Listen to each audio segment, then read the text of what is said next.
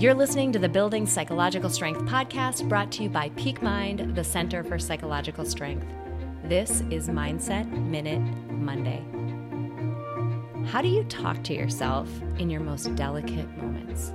When you've messed up, when you've dropped a ball, or when you're overwhelmed? How nice are you to yourself? And how does that compare to the way you talk to your best friend or your child when they're in a similar situation. If you're like most people, you're a lot harsher to yourself than you are to those important other people in your life. This week, treat yourself like you'd treat your own best friend or your child.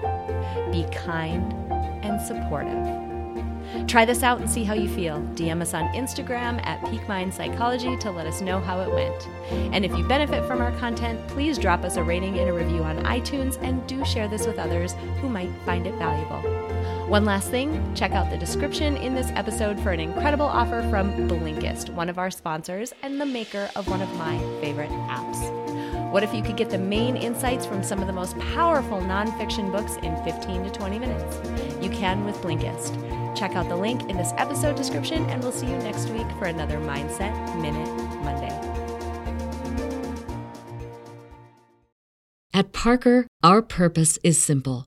We want to make the world a better place by working more efficiently, by using more sustainable practices, by developing better technologies. We keep moving forward. With each new idea, innovation, and partnership, we're one step closer to fulfilling our purpose every single day. To find out more, visit parker.com/purpose. Parker, engineering your success.